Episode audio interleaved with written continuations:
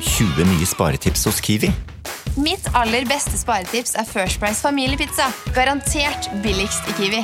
Nå får du 1 kilo First Price familiepizza til 59,90, 900 gram First Price stekte kjøttboller til 59,90 og mange andre First Price-nyheter hos Kiwi.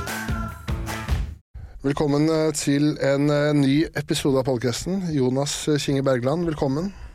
Eh, takk. Jeg heter podkasten Jonas Inge Bergland. Velkommen. Ja, ja velkommen. Det hørtes ut som Velkommen til en ny episode av podkasten Jonas Inge Bergland. Velkommen. Ja, Det var den setningen du sa, i hvert fall. Ja, Hva het han derre gamle komikeren? Han Espen Thoresen, vær så god, takk skal du ha. Ja, det var, ja. det var litt sånn. Ja. Hvordan eh, behandler livet deg på denne onsdagen?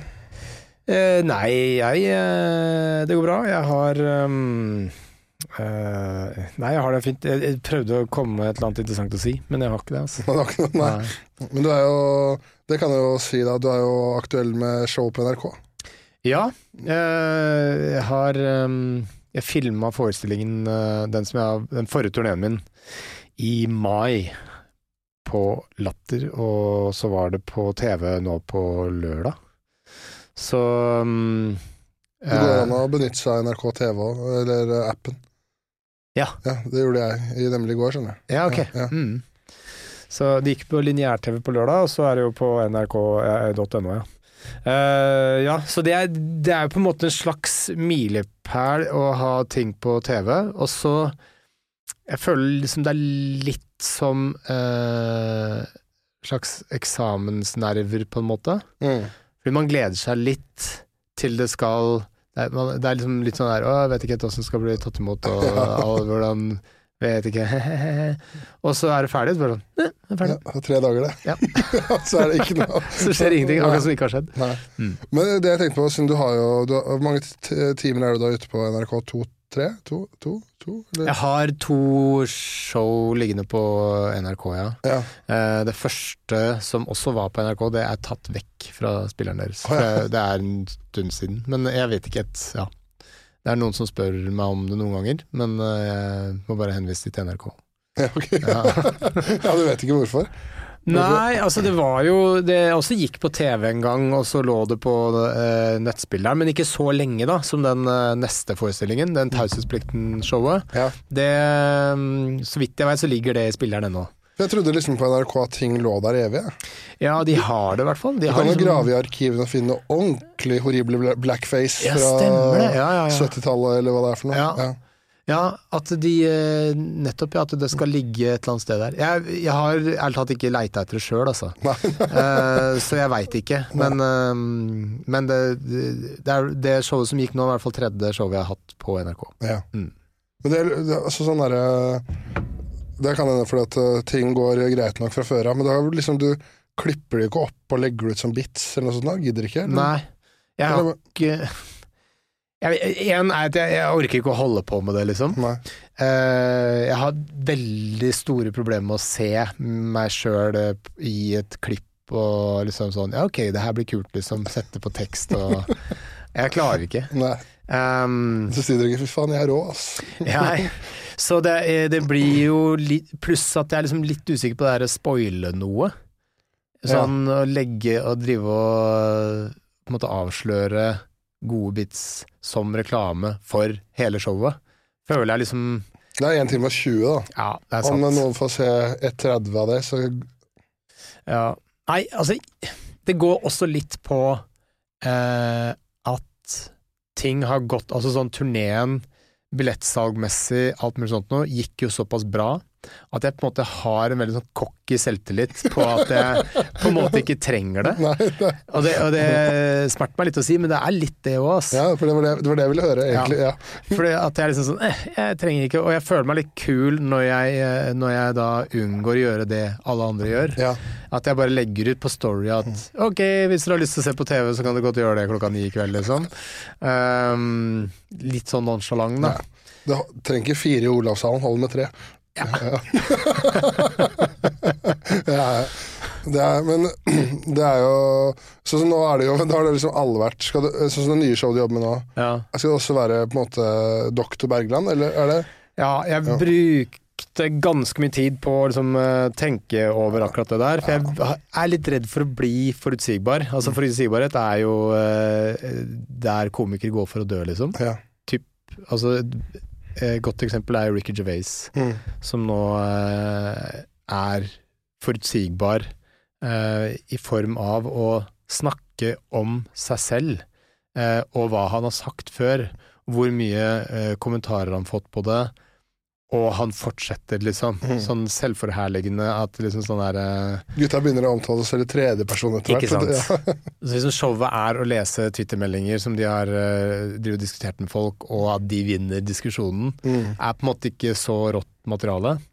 Uh, men uh, Det var en digresjon, men, uh, men det der å være forutsigbar og, og liksom lage nok et Dr. Bergland-show eh, som måte handler om det skjæringspunktet mellom det å jobbe som lege og, og være meg selv, da, um, er jo Uh, Ja, det er litt gjentagende, liksom, men det blir nok et Dr. Berland-show. Mm. Og så lurer jeg på om det Ja, og- kanskje blir det siste.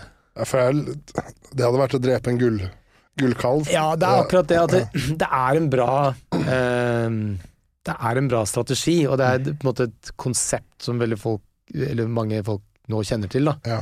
Jeg vet ikke om det var en bit, for i showet ditt også, så er det jo eh, Jeg vet ikke om du gjorde det på hvert show, men det, du, på filminga så må du føle deg ganske trygg på at det er sykepleiere og leger Ja. i salen for, Ja. Å, for å ta det. Bare for, som er en greie i showet, og da vet du liksom at folk De kommer jo fordi du er åpenbart veldig flink, men det er vel også stas å kunne dra og se på Doktor Bergland. Det er jo eh, Altså eh, Det som på en måte var en litt sånn eh, overraskende um, ting som vi oppdaga Si vi, men eh, jeg og også Stand Up Norge, da. Eh, for at det, det solgte jo på en måte det aller første showet mitt, som jeg hadde premiere på i 2014, ehm, som het Dr. Bergland og den alternative medisin solgte ok, liksom, til å være Eller veldig bra, da, til å være et show med en veldig ukjent person, liksom. Eh, men så er det jo sånn at det er helsepersonell i alle byer. Det fins ingen byer det ikke er helsepersonell, og ganske mye helsepersonell. Det er noen steder i Nord-Norge, da, kanskje. Ja, det er sant.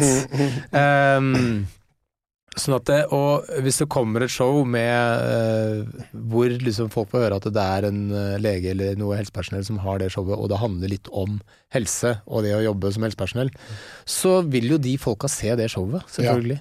Så det er en veldig sånn eh, en uh, hack by accident, da. Jo, men det er jo, føler jeg på en måte jeg, Når jeg så det i, i går, da, så føler jeg ikke det var jeg føler ikke det er hacky. Jeg føler mer at det er imponerende. Altså, Det er en life hack, mener jeg. Ja, life hack. Ja, ja, ja. Mm. Uh, for det, jeg føler det er en kunst å si, snakke om en eller annen uh, nerve i albuen og gjøre det morsomt. Ja. Det hadde ikke jeg. Jeg har ikke kunnskap til å snakke om Nei, lexus Plesialus i albuen, på en måte. Nettopp. Så det, man får jo på en måte en eh, Og så er det jo også en ålreit måte å si ting eh, man mener i helsedebatten, f.eks. om vaksinemotstanden, f.eks. Eller om uh, tåpelige aktører i uh, offentlig ordskifte, da. Mm. Typ med det eh, det showet som gikk nå på TV, f.eks. hun Gunhild Nyborg, som var en lege som gikk ut og sa dumme ting i forbindelse med pandemien da den kom.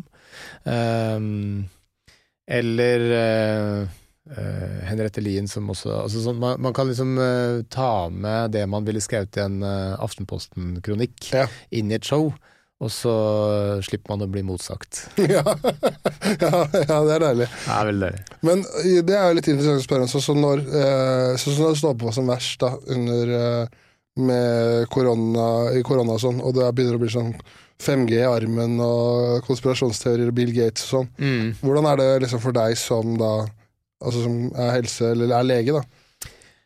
Nei, altså, de villeste konspirasjonsteoriene, de, ehm, de må man jo bare sånn Ok, selvfølgelig kommer sånt, på en måte. Det, og det er Det får du på en måte ikke gjort noe med. Nei.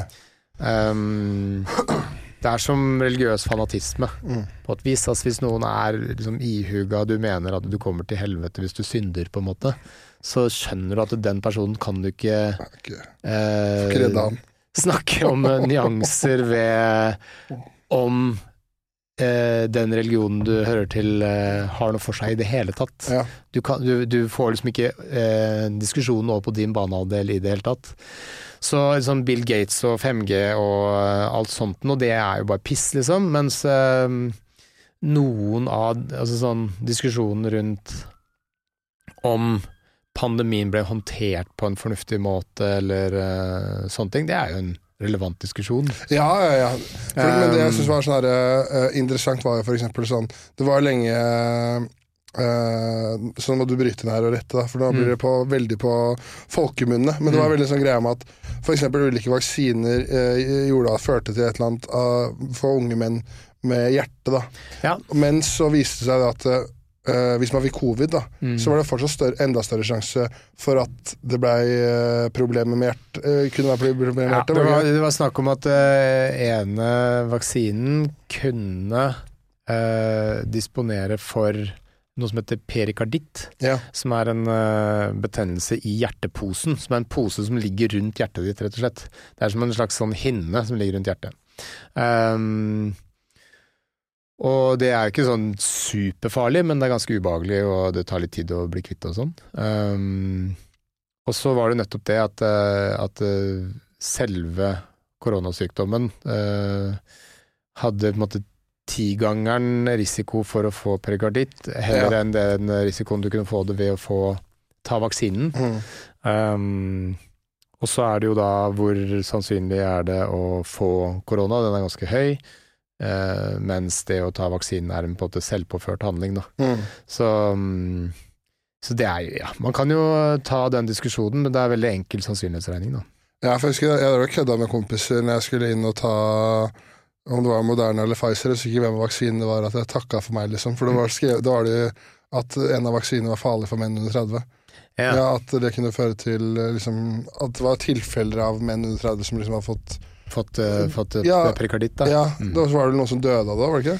Det husker ikke jeg, eller Nei. det vet jeg ikke. Nei, ikke sant. Eh, Det, det var jo, men det som var litt sånn spennende Nå vet jeg ikke om du vil prate om det engang, men da var det men da, Det var jo også leger som klikka òg.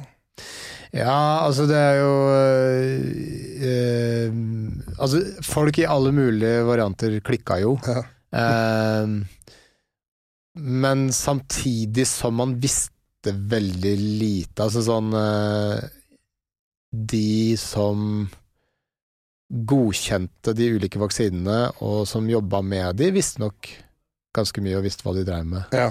Um, men dette er ikke noe Dette er ikke mitt eh, sånn Jeg har ikke dypdykka så veldig mye i det. Nei, nei, nei. Men jeg, det er kanskje det mest fortjente som skjedde med meg under pandemien. Da var det en kompis av meg som uh, fikk, fikk covid, og han var, uh, han var sykepleier. Mm. Og så kødda jeg med han, og så tok jeg bilde av uh, C-vitamin, ginseng og D3. Og så sendte jeg bare at det var øh, dette var kuren, hilsen dr. Joe Rogan. og så gikk det én dag, Ja. og så fikk jeg covid og ble dritdårlig. Ja. og bare tok alt det du hadde lagt frem. Og, ja. ja. Så Men eh, ja. Nei, eh, men eh, ja, jeg snakker jo litt om eh, pandemien og korona i den forestillingen. ja. Så eh, for min del så var det veldig digg å få det på TV nå, for nå, jeg følte at det, nå begynner det å gå lovlig lang tid siden alt det der skjedde. ja. Eh, så det føles jo, når det går på TV nå, så føles det jo som om jeg driver og tar opp dette på nytt igjen nå, Ja. Ja. eh, på et vis. ja. Um, men det hadde jo på en måte gått litt tid også, ikke sant. Det var jo i mai jeg tok opp uh, det showet, så jeg, jeg syntes jo at det begynte å ha gått litt på overtid ja. allerede da. For da hadde du spilt i over to år, har du ikke? Eh, ja, nesten to år. Ja, nesten to år, ja. Mm. Og så er det jo Uh, hvis det er noen som hører på og tenker sånn Det er ikke bare, du er ikke bare lege i showet, på en måte. Nei da, det er jo du har mye, masse annet også. mye personlig, ja. Ja. Mm. Det er jo det er blant annet en personlig favoritt. Det er gjennom ulvedebatten. Det er jo jævlig gøy. Jeg var jo veldig usikker på om jeg kom til å få mye um, altså det, Litt av spenninga ved å ha ting på TV er jo eh, For når du Det er å, å vente på reaksjoner. For at eh, når du har det på en scene, og du eh, gjør ting live, så kjøper billett, folk billett til med en aktiv handling. De bare vet hva de kjøper. Og du sitter i en sal. altså Terskelen for å på en måte protestere mot noe du hører, er jo veldig mye høyere eh, på eh, når du sitter i en sal Ja. Foran masse folk, liksom. Mm. Så jeg har ikke fått noen særlige reaksjoner. Altså ingen reaksjoner. Jo, én gang var det en som, som syntes dette her er støtende, så var det en som svarte liksom akkurat den der ulvejoken. Ja, for det, du, det, var, for det var jævlig gøy når, når du sa at den vitsen her er ikke for alle. Mm. Men da får du med deg alle Ja. på, på det. Mm. For det er jo gøy, det, det vi ikke skal spoile, men det handler da om at, eh, at ulven blir innavla tilbakestående, fordi Ja. det er så få ulv i Norge. Ja. Og så kødder du med det, og så er du sånn at du ikke, eh, at du ikke vet uh, At folk ikke vet hvem de skal være krenka på vegne av. Ja. Og det er jo jævlig gøy, for da Det er en eller annen sånn uh, Finesse, kanskje, for det blir sånn Jo, du må gjerne bli støta, men hvem er du støta på, liksom? Ja. Der, er- ja, er du på, uh, fornærma på vegne av uh, ulven? Mm. Eller er du fornærma på vegne av eh, Altså, hva, hva er det Og det, det, akkurat det er, det er jeg veldig fornøyd med den vitsen her, for at mm. jeg får alle mulige folk, både folk som er liksom mot ulv, eh, som bare sånn jævlig bra vits, eh, og folk som er for ulv, sier jævlig bra vits. Eh, og eh, Men jeg får, det er ingen som, eh, som eh, måte Altså de som jeg er redd for skal bli støtt, er jo folk som har eh, Er i familie med folk som har downs. Ja. Ehm, og jeg har ikke hørt noe fra de, og de er jo de på en måte uh, som man kan forvente skal reagere, egentlig. Men det er også sånn uh, Det er mulig jeg tar feil nå, men det er, jeg føler også det er rart å Hvis du da begynner da å si at du har et familiemedlem med, med, som er, øh, med Downs, da er tilbakestående, og du snakker da om ulv, og så skal du trekke den Det er lang Den er ganske lang, ja. så jeg tror nok altså de som, de som eventuelt blir støtt av det, skjønner at det, jeg har dårlige argumenter her, liksom. Eh, for jeg sier jo heller ikke downs. Nei. Ehm, jeg sier tilbakestående. Og, uh, og da blir det enda liksom eh, tynnere å prøve å hisse oppover. Men det jeg skulle si var jo at det at um, uh, når ting sendes på TV, så er terskelen folk eh, har for å på en måte eventuelt si fra eller hate noe, eller liksom eh, komme med en reaksjon, da. Den er mye lavere. Mm. Eh, og skrive på nett, ikke sant. Du, du er beskytta i alle mulige Du kan sitte hjemme og være rasende. Mm. Det er mye enklere enn å være i en sal full av folk som i utgangspunktet ler av en ting du syns er støtende. Ja, ja. Så, mm, så akkurat den var jeg spent på. Jeg var spent på Jeg snakker jo om eh, selvmord til Arben, jeg snakker om eh, Jeg sier N-ordet. Eh, jeg eh, slenger dritt om uh, homohumoren. Så liksom, jeg, det var en del ting der som jeg regna med kunne være utgangspunkt for, for reaksjoner. Mm. Og nå har det jo vært ute en stund, og det har ikke skjedd ennå. Men vi får se. Jeg er jo Gaute og Snorre de hadde heller ikke fått én dår stygg melding. Så da, da Ja, ikke sant? For det her, altså Gauteshow har jo eh, på en måte vært ute nå en liten stund. Mm. Så jeg føler at de har lagt grunnlaget for at nå, eh, nå kan man regne med at noen eh, tester isen eh, litt, eh, litt mer enn det man gjorde før. Da. Ja.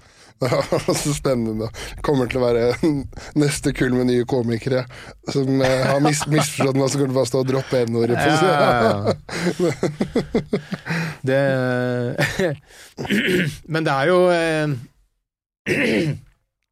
Jeg har jo fått eh, reaksjoner fra det forrige showet, da, det Tauseplikten-showet, har jo dukka opp noe de gangene det, det sendes plutselig på lineær-TV, ikke sant. Mm. Um, og da er det innimellom at det kommer noen reaksjoner fra folk som, som er sinte, og eh, Og da spør jeg, hva, hva, hvis ikke det er klart akkurat hva de eh, plager seg, så spør jeg jo. Ja. Um, og en gang så var det en som uh, sa nei, jeg syns du uh, Jeg syns den vitsen om folk som stammer, uh, er kjip Mm. og, og sparker ned. Og da tenkte jeg sånn, ja, det var jo faktisk en vits, med, jeg tenkte det var sånn jeg, Det er jo en morsom vits, men den er ikke spesielt kul mot folk som stammer på et vis. Men den er ikke så nedlatende heller. Altså, den er ikke nedlatende, den, er bare, den sier mer noe om meg. Det handler bare om at jeg er såpass konfliktsky at uh, hvis jeg snakker med en person som stammer, så later jeg som jeg ikke merker at vedkommende stammer. Ja, ja, ja. At jeg ikke kommer med forslag til hva de prøver å si når de eh, står fast på en bokstav, på en måte. For- Og det er jo noe alle gjør, egentlig. Så jeg, vil de som stammer at du skal hjelpe dem? selvfølgelig ikke! Nei, nei, nei. Så det er, jo bare, det er bare en observasjon av hva folk føler på når noen stammer på et vis. Ja. Det er bare vondt for alle. Ja. Eh, Men eh, selvfølgelig verst for den som stammer. ja. Så Men da husker jeg svarte han fyren at eh, du, vet du hva, den, den tenkte jeg på, og det er mulig at det på en måte eh, Tida har på en måte endra seg i den vitsens disfavør, da. Mm. Eh, så eh, beklager at det var kjipt, liksom. ja. Mm. Men det er, jo, det, det er jo helt fair, det. Altså, Så lenge man er saklig, så går det an å si fra. Ja, ja, ja. Mm. Ikke sånn 'du må dø', eh, og alle familiemedlemmene skal halshogges, liksom. Det er, Sånne ting blir liksom ikke tatt. Hun eh, Gunhild Nyborg, da, som, eh, som jeg nevner i, eh, i showet, det var jo da en lege som var på Debatten med Fredrik Solvang i starten av eh, pandemien. Som da ikke er epidemiolog, men eh, forsker på et eller annet helt annet. Mm. Eh, immunologi, tror jeg. Men i hvert fall, hun uh, la jo fram noen vanvittig dystopiske greier uh, i beste sendetid. Liksom. Ja. Og hun var ikke på debatten sånn Det var noen flere debattanter mot hverandre og sånn. Det var hun én til én med Fredrik Solvang, og hun sa sånn Hundretusenvis kommer til å dø. Ja. Og så ble det jo kjempemasse diskusjon i etterkant eh, på eh, at hun ikke hadde ekspertise innen det hun uttalte seg om. Eh, NRK fikk kritikk for å på en måte ta frem en person som ikke var ekspert på et fagfelt, si noe så sinnssykt, liksom. Ja. Hun skapte jo massiv skremselsreaksjoner. Mm. Så det var jævlig dårlig av NRK, det var jævlig dårlig av henne. Mm. Eh, så eh, ja, ble masse, masse virak i ettertid. Og så d- liksom roa det seg jo. Så jeg nevner jo det i showet nå, så dette her er jo ganske lang tid etterpå, da. Så hun har jo sett dette her og bare what the fuck? Blir oh, jeg ja. nevnt i showet, liksom? Hun visste ikke det. Oh, ja. Så hun sendte meg en ganske sint melding. Og var Hva bare- skrev hun? Nei, hun skrev liksom Jeg em, ser at vi har så og så mange venner felles på Facebook, og at vi er kollegaer, men hva faen slags fyr er du som tjener masse penger på å slenge drit om andre som prøver å gjøre en forskjell i en pressa tid? Eh, Makan til lavmål, eller noe sånt sto det på slutten. Ja, ok. Og så tenkte jeg ok, skal jeg svare på det her, eller skal jeg liksom drite i det? For jeg skjønner jo at det er jævlig ubehagelig å bli plutselig nevnt. Du sitter og ser på et show, og så plutselig blir du nevnt ved navn. Og Og hun var i salen? Nei, nei, nei. Nei, nei, okay, nei. Hun har sett det på TV nå. Ja, ja, ja. Jeg tenkte hun skulle støtte en kollega. Ja, ja, ja. ja, ja det kunne jo vært det òg, ikke sant. Så um, Men da var jo det um, eh, et dilemma om jeg skulle svare henne på en ryddig måte og bare si sånn Du, jeg skjønner veldig godt at du blir sur, og det er jo kjipt å bli nevnt ved navn eh, i en humorsammenheng, liksom, hvor det er helt tydelig at du gjøres narr av. Mm. Samtidig som hvis du går hardt ut på nasjonal TV, så er du en del av en, et offentlig ordskifte, liksom, og da må du bli, regne med å få passet ditt påskrevet. Og den kommentaren min i showet mitt står ikke tilbake for noen av de reaksjonene du fikk rett i etterkant av det du eh, sa, som var helt horribelt feil. Så at uh, det bare er en annen innpakning på den samme kritikken, det, det får stå for din regning. Ja, men når du går ut på, og, og og går ut på NRK da, og Mm. spår eh, Altså typ, eh, hva heter det for noe der eh, zombieserie, da. Ja, Da må du jo regne med at du får noe. du får, må er- regne med å få reaksjoner, Ja, da. det er jo fortjent, det. Ja. Ja. Så, men så tenkte jeg liksom sånn, når hun skriver sånn makan til eh, lavmål og masse banning og sånn, tenkte jeg sånn Vet du hva, det gidder jeg ikke å svare på. Nei. Så jeg, eh, så jeg gadd ikke å svare henne. Men det kan også argumentere for at det er makan til lavmål å stå og snakke om du ikke kan på NRK, da. du mente at hun refererte til seg selv? Nei, nei, men, nei det mente jeg ikke. Men man kan jo bruke det argumentet mot henne òg. Ja, ja, ja. ja, ja. ja. At det er så lavmål Ja. å skremme folk og bare nå, Ekstremt. ja, nå kommer alle du er glad i til å daue, liksom. Ja, lavmål, ja. Apropos lavmål, hva tror du om eh, å skremme livskiten ut av eh, et helt land? Ja. Nei, så, mm, så det er den eneste sånn, eh, sånn reaksjonen jeg har fått, og så tror jeg kanskje, ja, nettopp eh, Gaute og Snorre har på en måte brøyta vei for at eh, de mest finfølte antirasistene skulle reagere på den N-ord-joken min. ja, ja. Da kom jeg på at den, den var eh, som jeg etter jeg har mest respekt for etter covid-greiene, det var han eh, Tegnell, han svensken. Ja, ja, ja. Han, han, Mm. han var sterk i trua. Ja, han sto på sitt, og eh, Han ga seg faen ikke, han. Nei, han ga seg faen ikke. Det verste er at han hadde jo egentlig litt fagkunnskap på akkurat det der òg. Ja, um, og så fikk han vel egentlig rett til slutt. ja, han det. Altså når uh, all matten har uh, gått opp nå, så endte, var jo liksom enden på visa for Norge at vi brukte Det er mulig at dette er litt upresist, det jeg sier, men at vi brukte bare het, eh, Altså sånn tigangeren beløpet på eh, å beskytte da veldig sårbare grupper, som var da de eldre, liksom. Så vi brukte veldig høyt beløp for å la eh, døende mennesker leve eh, et halvt år til. Mm. Så mm, liksom sammenlignet med Sverige, da. Ja. Så, mm, og kostnaden var jo selvfølgelig det det var. Altså sånn nedstengning, eh, mentale helseproblemer Ja. eh, For det er jo en Sånn jeg har skjønt og snakka med folk og kjenner folk som liksom i ettertid liksom de eh, Altså de ringvirkningene fi- den fikk, da. mm. Det, jo, det var jo veldig mange som Altså, var det, altså sånn eh, Igjen, da. Nå er det jo synsing, da. Men det var jo Det var jo veldig mange som døde av å Eller døde av å bli innstengt òg. Men ikke sant, og eh, sånn som uh, Dette her er jo egentlig et veldig klassisk eksempel på uh, ufaglærte innen et felt som husker ish detaljer rundt uh, hva som er resultatene av uh, koronautredningsrapporten, liksom. Ja. Uh, som nå sånn, Det og det er dumt, sånn, men vi har jo ikke detaljene. Nei. Så man burde egentlig holde kjeft om det inntil noen som vet hva det er, snakker om det. La oss holde kjeft om det. Ja. Det er i hvert fall For meg som en synser, så er det ikke noe problem. Jeg skjønner for deg som fagperson, så er det litt verre. Ja, det blir verre. Ja. Mm. Ok, Men sånn som eh, nå, da. Har du noe har du, Det er som er, litt, som er litt spennende. Har du liksom noe mål nå for standup? Liksom, du har jo på en måte Du har runda det er liksom sånn, Det er kanskje alltid å bli bedre å lage nytt show, men har du liksom et sånt derre sånn Faen, jeg vil selge ut Spektrum, eller har du noe sånt et eller annet? Nei, altså det er liksom å lage et show til. Altså det ehm, eh, Som på en måte bare er målet. Jeg har ikke Det spek Spektrum og sånne ting er liksom ikke noe uh, Noe sånn Det virker ikke noe fristende, egentlig. Nei. Så jeg har ikke noen sånn megalomane uh, planer, men sånn som etter da Det tror jeg snakka litt om sist gang vi, jeg var i denne podkasten også. Altså Mm. sånn uh, Taushetsplikten-showet gikk sykt mye bedre enn det jeg kunne liksom forestille meg.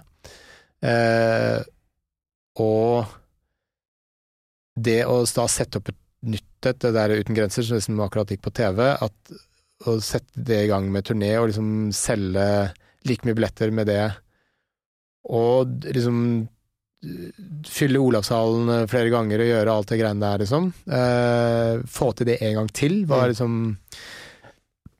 helt sinnssykt for meg. Og så Men igjen, altså sånn Man får det spøkelset på skulderen som sier sånn Kanskje du har mista det. Ja.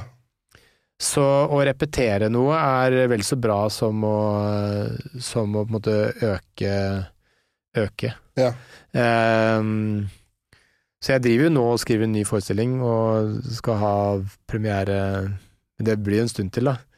Men uh, jeg tok bilde til plakat i går, Å, gjorde du det? Ja, Gøy. Ja. Så, um, så jeg er veldig i gang. Og jeg, eh, så det Den prosessen jeg er i nå, ved å dra rundt på klubber og teste litt her og der, og, eh, og på en måte Det som funker, skal du med en gang bare forsegle, putte i en boks som ikke skal røres før det liksom skal i en forestilling, da. Ja, ja. Um, er jo veldig gøy. Altså når man finner en ting som funker som faen, liksom. Bare sånn åh, så jævlig deilig, og så får du ikke lov å bruke det. Nei. Eh, du må finne på en ny ting som er like, like Ja. bra. Det er en veldig morsom prosess, veldig frustrerende prosess, og så um, er det på en måte Ja, det er en jævlig gøyal del av jobben. Mm. Men så når du sier eh, ett show til, altså sånn Du er ikke ferdig med standup etter et show til? Nei, nei, Nei, nei, nei. Det er bare, men det er typ et skritt av gangen, da. Altså Ja. sånn eh, Nå blir det et eh, år med, med klubbjobber og, og testing. Prøving og feiling, liksom. Og så sette sammen til show. Jeg jobber litt annerledes enn Dag, da. Han drar jo ut med masse ideer og turnerer rundt eh, og gjør vel en del av den fine uh, finjustering av materialet på veien, med, uh, på kulturhus, liksom. Mm. Uh, og så har han én stor kladeis på slutten som han filmer, og så legger ut, liksom. Og da er, liksom, da er showet ferdig lagd da? Mm. Er, det, er ikke det litt riktig å si? Det er ikke Jo, det er, altså, helt hver det er først øh, ja, Han jobber sånn først er det, Han reiser rundt med en del testshow, da. Mm. Sånn som i den turneen som jeg har vært med på nå, så var det først ganske mange show som het råmateriale. Ja. Og når han følte han hadde ja, en og en halv time som var veldig bra, Mm. så hadde han premiere på showet sitt. Ja. Men det endrer seg hele tiden. Ja, det er akkurat det. For jeg jeg jobber jo sånn at jeg tester eh, 10-20 minutter her og der. Setter sammen. Eh, bruker lang tid på å finne riktig rekkefølge på vitsene og hvordan ting skal se ut. Og når jeg føler jeg er ferdig med, med akkurat den delen, og det er en time og ti minutter, kvarter, liksom, så tester jeg det. Og så, ut fra de svarene, så gjør jeg kanskje kanskje ti forestillinger til med prøving, og så er jeg en premiere, offisiell premiere, med, og da er det anmeldelser og alt mulig sånt noe, og ut ifra det så er turneen i gang, liksom. Mm. Og så reiser jeg rundt med det og gjør nøyaktig det samme showet hele tiden, som ikke da endrer seg en dritt, ikke sant. Men hva hvis du for eksempel altså, Kom på kom kommer på en tag eller et Jo, jeg kan, jeg kan komme på noen småting underveis, liksom, Ja. men eh, ikke en hel bit. Nei. Eh, det er i hvert fall ikke For at det, det forstyrrer balansen i alle mulige ting, for alt henger på en måte sammen. Ok, men si nå når du er det nye showet ditt nå, da. Ja. Og så er du ferdig med det. Og så skjer det et eller annet sånt øh, Ja, at øh, Gunhild uttaler seg, eller et eller annet sånn Ja. helserelatert skjer. Ja. Det klør du Altså, det klør vel litt i fingrene etter å Og liksom eh, ta det inn, ja. Ja. Ja, hvis det passer, så, så kan jeg gjøre det, da. Ja. Men, men utgangspunktet, så når jeg har hatt premiere, og det er det, liksom, så er jeg veldig redd for å drive og uh, endre Fuck på det. fucke med det. Ja. Men er det da Men da har du på en måte gjort det så mange ganger at du vet alt er Altså, du finner av rekkefølge, og alt funker så bra, så du er sånn redd for hvis du legger inn en eh, så alle skjønner det. Så hvis du legger inn en bit her og der, så kan det fucke med neste pga. rekkefølgen og alt sånn. For det Ja, altså det, det går jo an å bare legge inn et nytt tema, men det, det som er øh, det, det handler litt også om uh, hvor lett det er å huske alt. Ja. Um, så hvis du på en måte har gått opp én løype, så er det mye lettere å huske den hvis den er lik hver gang. Ja, ja, ja. Um, og man har rytmen i det. Det blir gjerne mye bedre hvis du har uh, fått uh, Måtte gått inn den rytmen på akkurat hvordan du skal vektlegge hvert eneste ord, pauser mellom eh, setningene, alt det der, der liksom, er uh, ekstremt følsomt for hvor bra vitsen skal funke. ja, ja. Uh, og hvis du hele tiden driver og uh, kødder med det greiene der, så blir det som et sår som aldri gror, liksom.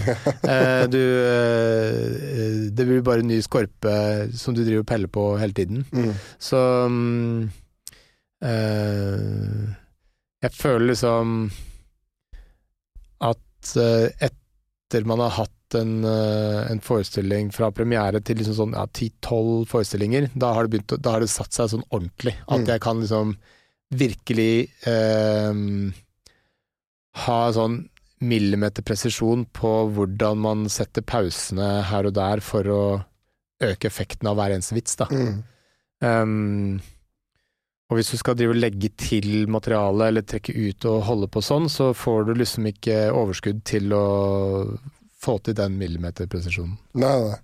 Men sånn som når du, når du skriver, skriver du, Jobber du helt aleine, eller jobber du med noen med showet?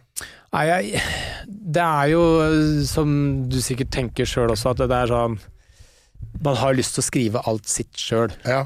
Um, og så innimellom så funker det jo veldig bra å, eh, å skrive med noen, fordi de kan på en måte åpne en ny vei å gå, liksom, i Mm. et eh, premiss, da. Um, så i utgangspunktet er alle fri til å liksom gi meg en vits, og hvis den er bra og du ikke skal bruke den sjøl, liksom, så, så, og, så putter jeg den inn i, i showet. Ja, ja. Um, men jeg har lyst til at uh, jeg skal stå for så å si alt sammen. Mm. Um, men jeg jobber jo litt sammen med Anders McCauley. Ja. Uh, han er jævlig bra på å skjønne hvorfor jeg syns noe er morsomt. ja, ok, ja. Eh, så hvis jeg har opplevd noe eh, som eh, jeg tenker dette her er utgangspunktet for en vei å gå, liksom, så Eller tenkt noe, liksom sånn Så kan jeg fortelle det til han, og så sier han ja. Fordi hvis du da gjør sånn, så kan vi ta det videre der, og du Så han liksom Han lever ut da, og så sitter vi sammen og sparrer på det, eh, til hele den, det temaet er på en måte tømt for mulige veier å gå, da. ja. Eh, og så finner vi ofte ut noe som er morsomt og, og interessant. Men har du, har du noen ganger sånn at, eh, at du er eh, At hvis du f.eks. prøver en vits om det å være lege, da, er det sånn noen ganger at du må Altså noen sier det, den der må du dumme ned. Eller har du, Um, du har kanskje skjønt hvordan du må dumme det ned? Nei, ja, altså sånn jeg har, jeg har hørt at dette høres pretensiøst ut. Ja. Men så har jeg hatt noen vitser som er sånn så konstruerte at ingen skjønner noen ting, på en måte. Jeg hadde en vits en gang som Jeg vet ikke om jeg husker den, da. Jeg går på og sier sånn der Ja, jeg vet hva dere tenker. Dere tenker eh, Du vet faen ikke hva vi tenker. Som betyr at de som ikke trodde at jeg visste hva dere tenkte, tenkte jo ikke at jeg ikke visste hva dere tenkte. Altså Det blir masse sånn dobbeltnegasjoner. Ja, ja, ja. Så må sitte her og gjøre fullstendig sånn der eh, Mm. lynmatte i huet. Mm. Og så nå tenker dere hva faen er det du prater om? Ja. Og nå er dere enige med meg. Altså sånn eh, Ja, det, det var noen sånne greier. Men det, det var umulig å følge. Jeg klarte ikke, eh, klarte ikke å skjønne sjøl engang. Nei, det er så gøy hvis det er noen som blir overrasket. Sånn, Hæ, vet han ikke hva vi tenker? Og så der, ja. Han er sånn Jøss, hæ, kødder du? Det det. Sjuk, eller? Nei, jeg har ikke, jeg har ikke fått eh, eh, Fått noen tilbakemeldinger på det, egentlig. Men Nei. det er jo litt sånn at man bruker folkelig språk, da, men det er jo Altså sånn, Og ikke latinsk begrep, liksom. Mm. Men det er jo på en måte vanlig for leger at man bør tilgjengeliggjøre det du sier. Jo, jeg har uansett det. Ja. Mm. Ja. Men det er jo det er jo gøy å høre, for at eh, men det er jo Jeg blir alltid, jeg vet ikke hvorfor, men jeg blir alltid liksom glad når Om det er mu- musiker eller komiker eller hva det er, at eh, de som har lyst til å skrive ting sjøl. Ja. For det er, jo, det er jo mange som bare sier sånn Nå har jeg lyst til å sette opp et soloshow, Ja. og så er det 15 stykker som setter seg ned Ja. og bare sånn Ja, det her skal du si. Ja. Og så gjør man bare det. Mm. Og så tenker jeg bare sånn Det virker jo liksom sånn ja, det er jo, Man blir jo rik, da, men eh, man blir det er, Det er veldig effektivt, Ja. selvfølgelig. Altså sånn, ok, du er et kjent navn, du selger alle disse billettene, men vi, eh, du har ikke tid til å skrive alle vitsene, liksom. Nei. um, nei, altså sånn uh, jeg har, Det er jo flere komikere som har spurt sånn derre Bare si fra hvis du har lyst til å ha meg på å skrive og sånn. Så er det sånn «Eh, Ja, ja, jeg har helst lyst til å gjøre det sjøl. Mm. Men har du en helt kongeidé, så gi den gjerne til meg. Altså, jeg vil jo at showet skal bli best mulig, Mhm. men jeg er ikke um, eh, Jeg har ikke lyst til at det skal være et lappeteppe av andre bidragsytere, nei. Jeg vil Men så hvis du et, liksom- hvis du har et prøveshow, da. mm. Har du da for eksempel eh, Da er det jo kunne, kunne du hatt liksom komikere i salen som satt da og forslag til tags, da, eller andre måter å gjøre det på? Ja, jeg har gjort det litt, men det har vært litt Altså sånn, jeg har, jeg har ikke invitert komikere til å sette seg ned og sitte med notatblokka. Liksom sånn Lars Berrum gjør jo, har gjort det litt. Ja. Um, og Ja, man har, man har gjort litt sånn på uh, Jeg har vært med på noen sånne forestillinger hvor man sitter her og kommer med notater, liksom. Um, og det er flere komikere som gjør det. Men for min egen del så har jeg stort sett vært Anders McCauley og um, eh, han Vemund Vik, da, som jeg har hatt på regi, som har gjort de tingene. Jeg må prøve å huske om det er noen som har liksom sittet der og vært sånn Sitter noen og river seg i nå? Nei, jeg har ikke Jeg har ikke um, invitert eh, mange liksom til, til sånt. Så jeg, eh, igjen litt fordi jeg har, jeg har lyst til å stå for det sjøl. Mm. Mm. En ting jeg tenkte å, hvis, For å bytte litt men en ting jeg tenkte å spørre om siden fra siste år her, så har du jo øh, også tatt opp Begynt med podkasten din. Ja, Ja, hva er greia, greia med? ja. Altså hva Hva er greia med det? Ja, hva, ja, hva er greia med at du vet hva er greia med? Nei, altså jeg ble tilbudt å, å ta den opp igjen av, um, av uh, det produksjonsselskapet, Klynge, som, mm. som var Rubicon før, der vi lagde den før. Um, og så hadde både han Ole og jeg tid, så da gjorde vi det. Lagde en sesong på ti episoder. Og, Men Forklar bare fort hva, hva greia er med hva er med. Det er at vi eh, gjør veldig mye research på et tema som vi syns er interessant, og så snakker vi om det. Det er en sånn Ja, faktapodkast. ja, for jeg skulle si at det virker som det er jævlig mye arbeid som går ned Kjempemasse arbeid. Ja. Ja. Så mm, eh, Men det er, det er en veldig kul måte å eh, virkelig liksom lære om ting man syns er gøy, da. Mm. For eksempel den eh, kanskje favorittemaet mitt fra forrige sesong er um, uh, John Allen Chow og Nordsentinelløya. Ja. Mm. Uh, disse her små Det er en bitte liten øy uh, i da Nordindiske hav. Så det er freda Ja, som er eh, det, det er ikke lov å dra inn dit med, med båt. Eh, og der bor det Man vet ikke hvor mange mennesker det er som bor der, men de, er da vært, liksom sånn, de har vært kontakta noen ganger opp gjennom historien, men det har gått såpass dårlig de gangene de har blitt kontakta, at de er utrolig fiendtlig innstilt. Ja. Så de uh, dreper alle som går i land. Er, de har en eh, veldig streng innvandringspolitikk. um, Sverigedemokratene. ja, de har Sverigedemokratene bare Hæ, hva slags pingler er dere? De skyter alle som kommer inn, liksom. Ja. Og John Allen Chow er da en amerikaner som, eh, som gikk i land der Mm. eh, i 2017 og ble drept. Eh, så eh, Å liksom lese om Nordsentinelløya, eh, alle de gangene de har vært kontakta, alle de gangene det har vært måtte, folk eh, i land der, eh, og og om han John Allen Chow, da, som, som var en slags misjonær som var ekstremt iuga, veldig opptatt av friluftsliv og sånne ting. Det er jo Ja, ja. Jeg syns nesten du fortjener å dø, ass. Når du er sånn Nå skal jeg ut på den øya som er freda, skal jeg spre Guds gode budskap. Jeg er den som ikke kommer til å bli drept, selv om alle før meg har blitt drept. Da er det faen meg Da Ja, ber, det er du, da ber du om det, da. Ja. Ja. Så, um, uh, så sånne ting er jo gøy å, å sitte og prate om. Um, det er veldig nøling, da. Mm. Men apropos ulve, ulv som blir tilbakestående. Den øya der også må Det må være noe greier der, ja. Ja, det må Ja. være tilbakestående der òg. Ja, jeg tror det, altså. Der har sett det er samme som der, har du sett den derre Hva faen heter det programmet? Det er en sånn familie som bare ligger med hverandre i alle generasjoner. Sånn amerikansk uh, The som, Wild and Wonderful Whites of West Virginia, Er er det det ja? Som bare, de, de bare bjeffer til hverandre. Å ja, nei, den har jeg ikke sett. Jeg har hørt om den. Oh, ja. Det er helt på bærtur, Ja, ja. det er helt, Ja, ja, ja. helt sjukt. Det er sånn at de har en sønn da, som er eh, sjuende generasjons innavl. Som bare, han kommuniserer med bjeffer, liksom. Ok. Ja, nei, det, den har jeg ikke sett på. Men jeg har sett det. Det er en, eh, det er en um, dokumentar som heter The Wild and Wonderful Whites of West Virginia, som Johnny Knoxville lagde den. Oh, ja. Han eh, gamle Jackass-duden. Jackass-duden. Mm. Um, som da handler om en sånn redneck-gjeng som er klin hakkans kokos, liksom. ja. Uh, og ja, det er innavl og eh, lav utdanning og eh, amfetamin. Ingen liksom. utdanning. Nei, ingen utdanning. Men det er morsomt. Men uh, ja eh, Hvordan kom det Jo, Nordsentinel, ja. Ja.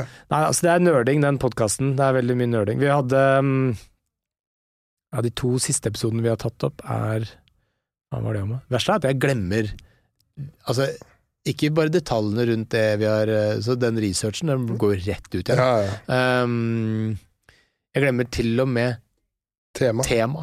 Men jeg var jo, jeg var jo på et par fester hvor jeg var avokadoekspert i to uker etterpå. Ja. Etter jeg hadde hørt på en episode der. Den avokadoepisoden var ganske bra, syns jeg. Ja, den koste jeg meg med. Ja, For da, eh, det, var, det er veldig gøy, for da kan du liksom gå og høre på, og så er du plutselig føler man seg som en ekspert. ja. Hvis noen tar opp avokado, så nei, det stemmer ikke. Det er Ja. faktisk sånn.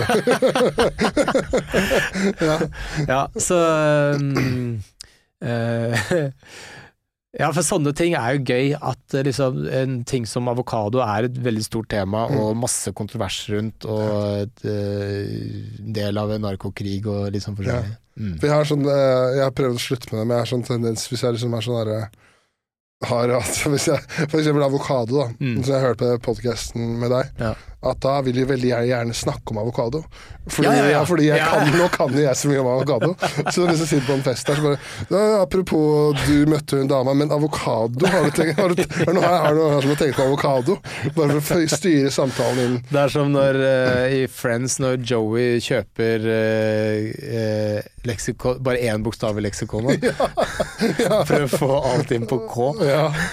Jeg har jo jeg har en kompis også, som er sånn herre han er jo Han er sånn, var leder i Unge Høyre Bergen og sånn, og vært sånn opptatt av ja, politikk og altså sånn geopolitikk og sånn. Mm. Så han er liksom vant til at når han eh, diskuterer ting, da, så har han alltid mest kunnskap. Ja. Og så har han er verdens mest hersketeknikk. da, for Ja. eksempel. når han, så var det bursdagen til samboeren min, da. Hun har en venninne, da, som eh, ja, jeg tror Det var sånn der, det var 5000 som søkte på en jobb i EU, da, i Roma. Mm. Så fikk hun den jobben. Hun er der, da, på en måte.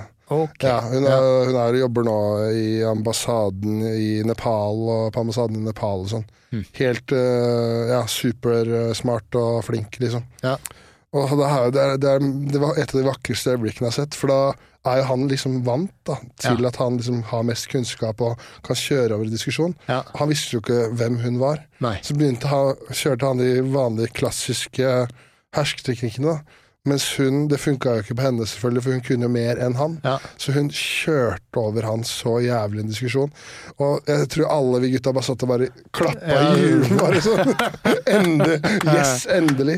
Og da gjorde han det styggeste jeg har sett noen gjøre. For da, da ble han så sur, så han opp, og så setter han seg ved siden av en annen venninne. Og så spør han det spørsmålet Du, hva syns du om svenske skatteinsentiver? What? For da ville han inn på temaet han da måtte han komme seg opp på hesten igjen. Komme seg på hjemmebane igjen. Fy faen. Det skal jeg begynne å si hver gang jeg driter meg ut på et eller annet. Men bare snu meg til en eller annen random person. Hva syns du om svenske ka- skatteinsentiver? Alle er på bortebane der, så da kan jeg bare finne på noe. ja. Ja, ja, det er, ja, det er stygt, altså. Ja. Men eh, ja da, det er, det er fare for å bli veldig sånn besserwisser av å drive og holde på sånn. Og, men heldigvis, da, så for mitt sosiale liv så glemmer jeg veldig mye av den researchen jeg gjør. Ja. Så eh, noe husker jeg. John Allen Chow, den sitter. Sitter, ja. Men det er rart, da, for jeg husker jeg hadde jo eh, Når jeg drev og Før jeg skulle inn på, inn på jussen, jeg tok opp fag. Det var sånn der, Jeg tok geo, geofag, Ja. og sånn bergarter og vindsystemer og sånn. Og jeg husker liksom at på eksamen så satt jo det som en kule å kunne liksom fortelle, forklare forskjellen på ulike bergarter, hvordan de ble til, hvordan, hvorfor uh, vær, værsystemet er som det er, og regn Ja, ja, ja. og alt, ikke sant. Ja. Nå, nå husker jeg absolutt Nå veit jeg ikke hvorfor det regner jeg engang. vet ikke hvorfor det regner engang. Nei. Jeg vet, jeg vet ingenting. Kan ikke si én bergart. Altså, Kvarts. Hæ? Kvarts. Ja, kvarts. Gneis er vel et eller annet. Men det er bare det er helt borte. Granitt. Granitt ja, det er riktig. Ja. Det ringer noen bjeller her. Men jeg kunne liksom, jeg husker Rombeporfyr. Metamorf Bergart. Metamorf bergart, ja. Ja. Og metamorf og Det var metamorf og meta Det er to meta. Metamorf og Er det det? ja? Ja, tror jeg. Eh, Metopryf? Nei, jeg Nei, vet jeg husker ikke. Hm. Men på eksamen som kom jeg var liksom å forklare uh, Hva er det for noe rei... Altså værsystemet i India eller et eller annet. Monsunen. Ja, monsunet. Mm. Og det var liksom Det var på strak arm. Klink sekser. Ja. Nå er det jo Nå vet jeg ikke. Det det som sier deg bare at hvorfor det regner i Bergen, har ikke snøring, liksom. Nei. Det er jo, etter hvert som man blir eldre, så blir det jo at man øh, liksom blir mer og mer spesifikk på kunnskap. Ja. Jeg husker på slutten av medisinstudiet så øhm, hadde vi en eller annen forelesning hvor Og da er det jo rett før avgangseksamen, så man sitter jo og leser hele tiden, ikke sant? parallelt med at du har forelesninger og alt mulig sånt. Så du pumper huet fullt av øh, informasjon i ett jævla skval. Eh, gjør eksamensoppgaver. Alle eksamensoppgavene går jo på hele liksom alt det du har lært over seks år, ikke sant. Eh, veldig mye kliniske eksempler, alt mulig. Alle sykdommer, alle, alle faggrener. Mm. Eh, og så var det en uh, foreleser som eh, i stedet for å liksom bare ha den forelesninga han skulle ha, jeg tror det var om hudsykdommer eller noe sånt, så begynte han bare sånn, så så han bare utover hele gjengen, så han sånn Ja, dere skal ha eksamen om to uker. Ja, vi får se hva dere kan, da. Nå er dere jo på høyden av deres kunnskapsnivå for hele livet. Og jeg bare what?! Vi er jo ikke ferdige engang. Nei. Men så slo det meg, det er jo nå vi har all bredden. Ja. Det er nå vi er mest spesifikke på alle temaene, liksom. Mm. For etter hvert som vi begynner å jobbe, så kommer ting til å liksom eh, Det er som å kunne liksom ni språk, og så begynner du å jobbe, og så jobber du bare på det ene språket, for at du jobber jo i en eh, spesialitet, ikke sant. Nyre, eh, revmatisme, endokrinologi, allmennmedisin, ortopedi, nevrologi, alt det der, liksom. Ja. Hvis du begynner å jobbe, så blir du jævlig god på det ene feltet, mens alt det andre blir jo bare blekner, ikke sant. Mm. Som et sånn der eh, gammelt bilde på eh, Som ble solbleka på veggen, liksom. ja. Eh, og det syns jeg var så trist, å Mm. innse at jeg føler meg dum nå, ja, okay. og jeg vet at jeg kommer til å bli dummere, liksom. Ja. Og jeg merker jo det nå, som man eh, jobber og eh, Det er så mye sånn kunnskap som er sånn Det her har jeg visst en gang. ja. Typ dine værsystemer og bergarter, på en måte, da. Mm. Og så tenker jeg, det er ikke så jævlig farlig heller. Det er jo ikke så jævlig viktig at du skal vite dritmye om rommeporfyr. Nei. Men det er gøy. Det er litt, jeg syns det er litt kult å kunne, da. Det er litt kult å kunne. Ja. Um, men det er jo på en måte For eksempel da, så er jeg veldig Jeg er veldig glad i uh, russisk historie. Ja, du det? Ja. Ja. Ja, faen, Ehm, jeg har, var, ja, ja, det var, var da jeg var på tur Jeg mener jeg har sett deg med en av Stalin-bok, eller ja da. ja, Jeg, har mye, jeg har lest liksom biografier om uh, disse folka og uh, hørt podkaster og holder på, liksom. Mm. Um, så jeg koser meg veldig mye med å prøve å forstå den russiske revolusjonen, eksempel. Den er veldig kompleks, og det er veldig mange forskjellige karakterer inne i bildet, og det er uh, masse på en måte tilgrensende historiske hendelser som er jævlig interessante. Man lærer vel mye om en sånn kompleks eh, periode i verdenshistorien. Mm. Um, men jeg får jo aldri brukt en dritt Nei. annet enn uh, hvis man er på en quiz og du får et spørsmål som er jævlig spesifikt, liksom, Ja. så kan du slå i bordet med det, men det er heller ikke altså sånn For det er ingen som noensinne har lyst til å høre jeg parafrasere russisk revolusjonshistorie liksom som jeg har hørt et annet sted, liksom. Ja, ja. Hvis du er interessert i det, så går du til de beste kildene, ikke til meg. Nei, nei, ikke sant? Nei. Det er ingen som noensinne har spurt meg Fortell litt om uh, Grigorij Rasputin. nei, det får du ikke noe quiz Nikolai heller. 2. eller ja. eh, Vladimir Lenin, liksom. Altså, Det er- gøy å sitte på quiz der, så var det spørsmål hvor Nidelva ligger, så jeg aner ikke, men jeg kan fortelle deg ganske mye om sjette tsaren, da. ja. Er, er men, ja, for da må du, du må oppsøke et eh, ganske spesielt miljø Ja. for å kunne sitte og diskutere. Da må du jo ned på Blindern, da. ja, og det som er rart med folk som er historieinteressert, alle har egentlig bare lyst til å belære. Ja. Så det er bare masse folk som sitter sånn Ja, og Ja, ja. Det er, sånn- ja, det er litt sånn styre samtaler Ja. på avokado. Ja. Ja. Det er som, masse, det er som elevrådsledermøte, tror jeg. Ja. Eh, hvor du skal liksom diskutere reglene for hvordan man skal viske ut på tavla etter eh, timen. Ja. alle, er, alle kan det samme, mm. og alle syns det er like viktig å fortelle det, at det er de som forteller det. Ja. Men har du, har du fått noe bits ut av det? Har du noe Om eh, russisk revolusjon? Ja. Nei, fy faen. Men jeg, jeg kom på en idé her om dagen. Altså etter dette neste showet som jeg skal lage, som jeg jobber med nå, for å liksom bryte ut av Dr. Bergland eh, måte mm, eh, formen. Sar Bergland. Nei, altså bare eh, ha et show om den russiske revolusjonen. Altså alle de forskjellige aktørene som er med, og hvordan det skjedde, og Så det blir på en måte et slags sånn Jeg veit da faen hva slags show det skulle være, ass. Da skal jeg fortelle deg en ting, og det er at uh, Du hadde ikke giddet å sett det? Jo, jeg hadde sett det, Ja. men uh, det er ikke historieeksperter fra russ, eller russiske historieeksperter i alle steder i Norge. Nei. Nei, det, det, det er Nei, det er det, Blir ikke Olavshallen tre ganger da? Nei, det er, det er mulig. Men det kan være at det liksom det, vet, du hva, vet du hva som er, det er jævlig mye av rundt omkring i Norge? Nei. Menn på rundt 50. Ja, det er for så vidt sant. Og de digger alt av ting som har med krigere å gjøre. Ja. Eh, så det er ikke sikkert det er så dumt sånn eh, markedsføringsstrategitiltak, markedsføringsstrategi-tiltak, det der, altså. Nei. Du, eh, men da merker du at det går jo Det må gå bra i karrieren til noen hvor de sitter sånn Kanskje neste show bare skal være russisk?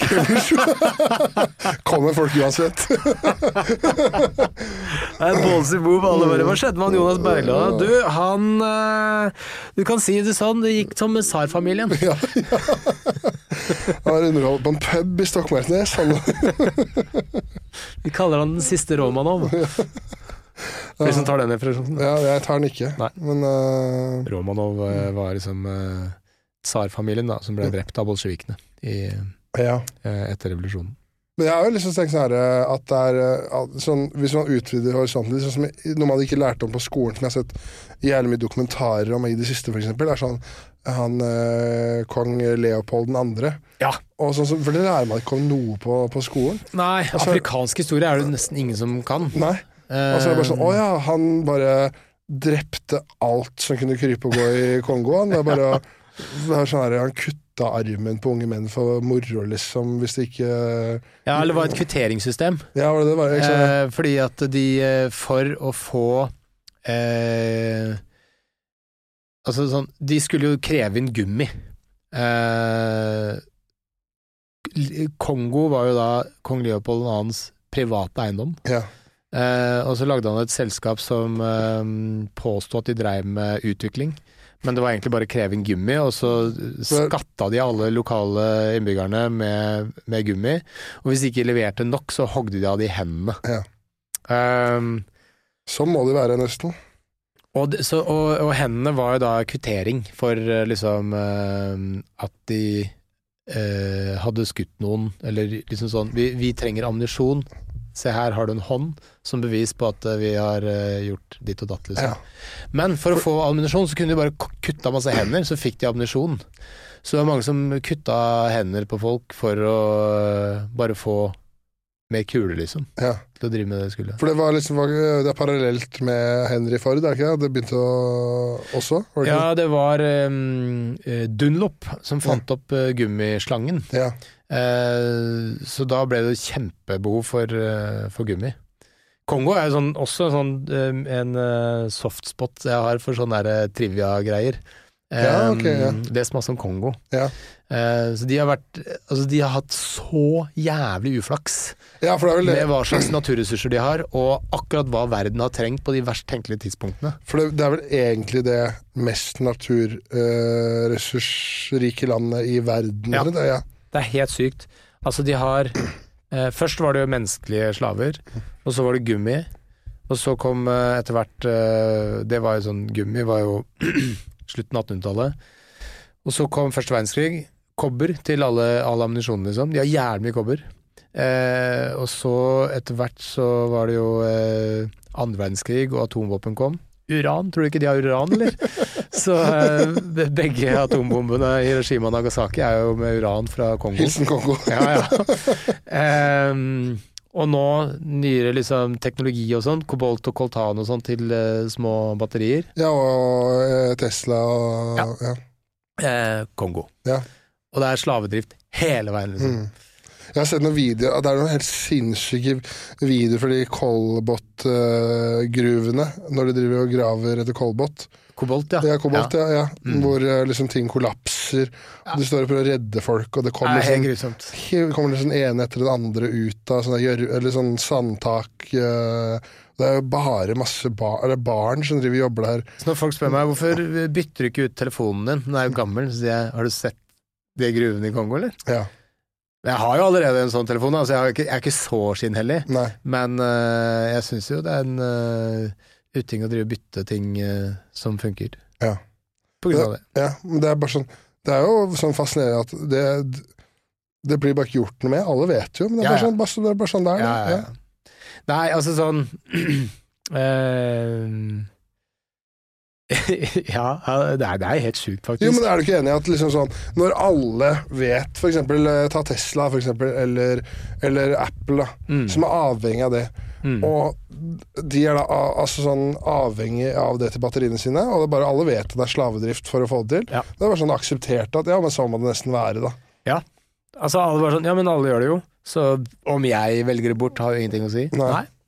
Og det er med den innstillingen det kan opprettholdes. da. Og så har de vel rævkjørt seg sjæl litt om, for eksempel at de har vel solgt Det er kanskje ikke Kongo, men jeg vet jo en del afrikanske land har solgt ulike landområder til Kina, for eksempel, som driver uh... Ja, de bytter ut eh, ressurser med at de bygger infrastruktur, ja. uh, og så uh, får jo da kinesiske entreprenører, eller kinesiske, eller staten egentlig, da, veldig nytte av av den gruvedriften som de eh, gjør mulig ved den infrastrukturen som de, de lager. Kina ja, de kjører inn helt sinnssykt mye folk for å bygge ut ting og hente ut ressursene. Og er det noen som er glad i menneskerettigheter, så er det Kina. De digger det. De digger det. ja. det er øverst på agendaen, det. Ja. Men det er bare fordi at det, det, Man skulle liksom tro jeg husker, Det var lenge siden, men jeg så liksom en sånn derre eh, Også en greie om at på en måte For man skulle tro da at hvis man fikk på en måte et eh, Kall det et ordentlig system, da, for det har jo vært mye korrupte For i Kongo har vært mye korrupte ledere. Altså Hvis man hadde klart å bygge en slags form for administrasjon da, på beina, at man skulle tro at det burde vært et av verdens rikeste land. Ja, dette her er jo noe folk som eh, driver med statsvitenskap kan noe om, men folk som har, eller folk, land som har vanvittige ressurser, har veldig, det er veldig vanlig at de bare blir utnytta av andre mektigere land, da. Så Norge som har olje, burde jo, altså sånn historisk sett, egentlig bare bli plyndra av noen i nærheten som har større militære eller eh, noe sånt noe. Ja. Så mm, Nei, eh, vi har hatt jævlig flaks. Eh, veldig mange andre land har sinnssykt uflaks. Jeg liker at eh, jeg prøver å dra deg ut på glattisen på sånne her temaer. Så bare, nå stopper vi, nå, nå kan jeg ikke mer. Ja, ja, men herregud, å sitte og se Det må være jævlig dårlig underholdning at man sitter og det, Da kan du dra Da høre på uh, Flatseth, da. Ja. Du hører på sånn vill synsing om et uh, tema.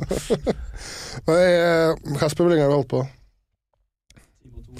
Time og to minutter. Jeg skal, du skal, jeg skal slippe deg snart, men jeg skal ta, spørre deg om én ting, for jeg har jo mobba deg, eh, mobba deg litt. eh, For eh, første gang du var her, da var vi jo Da var vi ikke venner, men nå har vi på en måte blitt venner eh, til den innspillinga her, føler jeg. Ja. Eh, ikke for å snakke på dine vegne, kan hende du har en annen følelse. Men eh, jeg har mobba deg for at eh, en av mine favorittoverskrifter i en avis noen gang, Ja. det var jo bilde av deg hvor det sto 'Jeg vet for mye'. ja. ja. Så, eh, altså, så hvis han ikke klikket seg inn på saken, så sto, så du ut som verdens største rasshøl. ja. Men når man klikker seg inn på saken, så var det da om, uh, om kokain, altså hvordan kokain blir skapt, eller hvordan det blir til. da. Ja, altså jeg vet for mye om eh, kokain og hvordan det virker på kroppen til å tørre å prøve det. Ja. Det er jo det som er hele setningen. Men det, det tok, de tok ikke hele setningen. Nei, eh, og de gir deg heller ikke muligheten til å velge hva slags type setning eh, eller overskrift de skal lage. Nei. Heller ikke bilde, Nei. for den saks skyld. Så jeg var misfornøyd med både bilde og, og overskrift, jeg. Ok. Um, Jeg- så det var ganske jeg sjekker- ubehagelig. Jeg sjekker det ned, og smartere enn det. Ja. Ja, Ja. mener det. For jeg ville at det skulle være et bedre bilde, og jeg vet alt. Ja, ja, ja. Uh, nei, jeg eh, Ja, det var, det var uh, ganske komisk, faktisk, ja. Mm. Den derre 'jeg vet for mye'. Eh, og så ja, Lå det spørsmål der, forresten? Eller var det bare en kommentar på at det var gøy, syns du?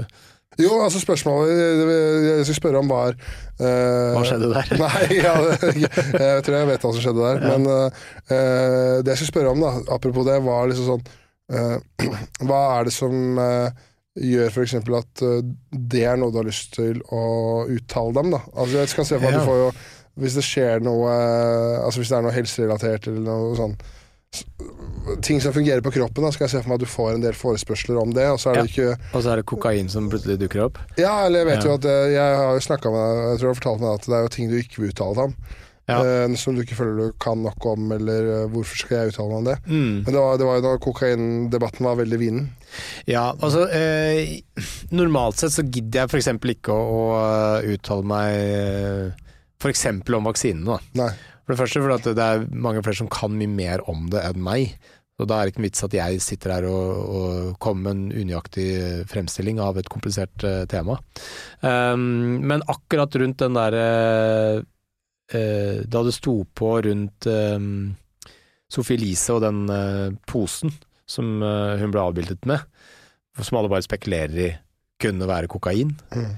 Eh, Så ble det jo veldig mye snakk om kokain, og rundt samme tid så kom det jo da en rapport om at eh, bruken av kokain blant unge hadde økt med ganske mye, eh, sammenlignet med andre typer stoffer da, som ikke har økt.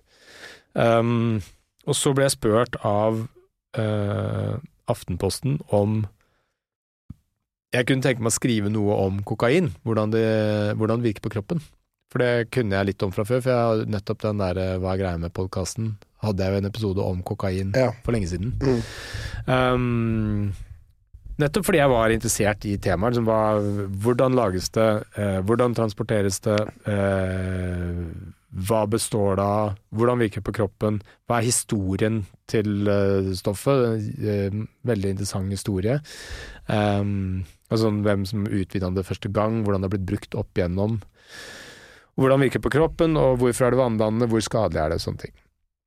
Eh, og ettersom jeg hadde gjort den podkasten tidligere, så hadde jeg gjort all researchen fra før, så var det lett for meg å skrive den artikkelen i Aftenposten. Og så skrev jeg eh, en artikkel, sendte den til Aftenposten, og var sånn ok, dette er det jeg har, liksom. Kan dette brukes til noe? Og så sa de sånn perfekt. Og så var den ganske sånn enkelt bygd opp, den artikkelen, til at den eh, Og uten noe moralsk pekefinger, det var ikke noe sånn ikke gjør dette Det, eh, det var veldig bare sånn åpent. Dette er greia med kokain, på en måte. Ja. Så den eh, ble jo delt helt utrolig mye, og etter det så har jeg fått sykt mye forespørsler om å uttale meg om kokain. Og jeg har jo ikke noe mer peiling enn det jeg bare skriver i den artikkelen, ikke sant. Nei. Så um, Og så blir han derre kokainfyren. Ja. Ja, blir kokainfyren. Jeg ble invitert på Debatten. Så sto det med Fredrik Solvang, og eh, Oi, i motsetning oi, oi, til. Gunhild Nyborg, så takka jeg nei. Vet du hvem som var der? Nei. Hvit Wanda. Ja, for det var det jeg skulle si. Ja. At det er det mest sinnssyke Jeg trodde hadde tatt LSD da jeg så den debatten her. Det var sånn, nå skal de være Nå er det de Ja. som skal stå for kokaindebatten, da. Så Og deres argument er det er lange køer til do på utesteder. Ja. sånn. Altså sånn, jeg så ikke akkurat den episoden, jeg bare hørte at de var der, og jeg bare Og jeg skjønte ikke Det er da man angrer på at man ikke sa ja. jeg, Ja, ja faktisk. Men nei, og så blitt spurt om, eh, om alt rundt det der. Og så ble jeg jo da eh, ja, komme på ungdomsskoler, snakke om kokain, altså sånn, det er så jævlig mye greier.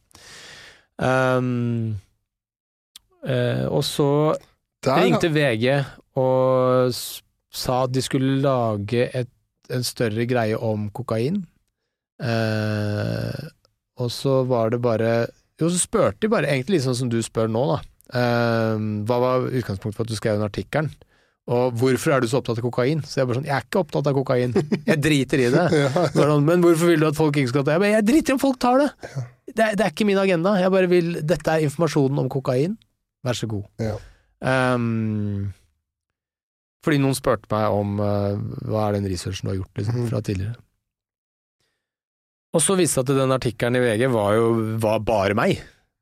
Det var ikke ma masse Nei. folk og statistikk om kokain og alt mulig sånt, så det ble jo bare en eh, greie om at jeg snakka om at jeg ikke prøvde kokain, fordi at uh, Du vet så jævlig jeg mye. vet så altfor mye. Nei, så det var, det var Det er egentlig bare en um, en uh, slags lærepenge for å ikke snakke med journalister. Ja. Men du, du, fikk jo nesten alt det jeg så. Ble jo, jeg så det ble jo delt til helvete i sosiale medier. Det var jo, du fikk jo du var jo, fikk jo legendestatus der en liten periode. Det var jo bare post, altså, I hvert fall det jeg så. Jo, er du gæren. Altså, det, akkurat den der Aftenposten-artikkelen var jo liksom eh, Nettopp fordi den ikke felte noen dom over de som, eh, som tar det. Det var bare informasjon. Ja. Um, så sånn sett så var det greit, og jeg har fått litt mye sånn eh, pes fra kompiser som er litt som partydudes. Hver gang jeg møter de sånn Ok, nå kommer han, legg vekk sakene, det er så mye Kommer Mr. Party Blooper. Ja, ja. Ok, ja, da, da er moroa over. Kommer Jonas. Men um, uh, Ja, nei, altså Jeg mener jo at uh, man skal vite noe om eh, hva man driver med, hvis, eh, hvis det man uh, gjør er uh, potensielt uh, helseskadelig, da. Ja, ja. Så er det jo et på en måte sånn prisverdig prosjekt sånn sett. ja, for det er jo for, for Jeg følte på en måte den vinklinga du tok på det, Mm. så var det på en måte jeg, jeg vet ikke om det var preventivt, ja, riktig men det var på en måte I hvert fall her er ut, Jeg sier ikke at du har et rasshøl hvis du har cola, men her er informasjonen og hva det kan føre til. Da. Ja. Så det kan hende det gjorde at eh, de to uker etterpå at noen tenkte seg litt om før de tok det. Mm. Før de glemte det, glemte det og fortsatte på hurra meg rundt-livet. Ja da, dette er det du bør vite før Ja. du tar cola. på en måte. da er du i hvert fall, da vet du det, på en måte. Da. Mm. Men sånn, er, det, er, du sånn der, er du god på eksempel hva sånn alkohol gjør med kroppen òg? Ja eh, For du er jo du er ikke fremmed for å ta deg en, eh, en øl. Hva mener du? Har du sett meg drikke? eh, ja, og det er jo på en måte Det er jo ganske eh, Det vet jo de fleste også, ikke sant, at eh, leveren eh, kan ta skade av det, og at eh, det er mye eh, avhengighet rundt alkohol som er litt sånn eh, Hva skal jeg si skjult og skamfullt. Mm. Um, men, eh, men ja, det er ikke like skadelig. Det er ikke like vanedannende da, som eh, kokain. Kokain, ja. Nei. Nei, jeg er veldig glad for at eh, Fordi jeg er også heller ikke fremmed for å ta meg en øl. Men jeg er liksom Jeg er jævlig glad for at jeg ikke har det genet at når jeg våkner på søndag etter hvert med deg på nach i Bodø til klokka seks, hadde jeg tenkt nå hadde vært godt en øl til, ass. Nei, det er, eh, det er bra det der å ikke ha den. Jeg er veldig glad jeg ikke har rusproblemer. Ja. Um, og det skal man, eh, hvis man ikke har det, skal man eh, innimellom minne seg på hvor bra det er å ikke ha rusproblemer. Ja, ja. Jeg så også den der, jeg hørte på den der Åpen journal med Flatland og de av dine to legekollegaer. Ja. Hvor de snakka om alkohol. Og Ja. han, eh, jeg husker ikke hva han heter, han typen til Flatland, men eh, Nei, det er ikke Harald? Harald eller noe. Ja. Og da var det snakk om alkohol. Og da var det egentlig en ting eh, Jeg vet ikke om det gjorde meg glad, men da var det i hvert fall at uh, Han mente at det var bedre å drikke og trene enn å ikke drikke og ikke trene. Ja, Det stemmer. Ja, ikke sant? Ja. Mm.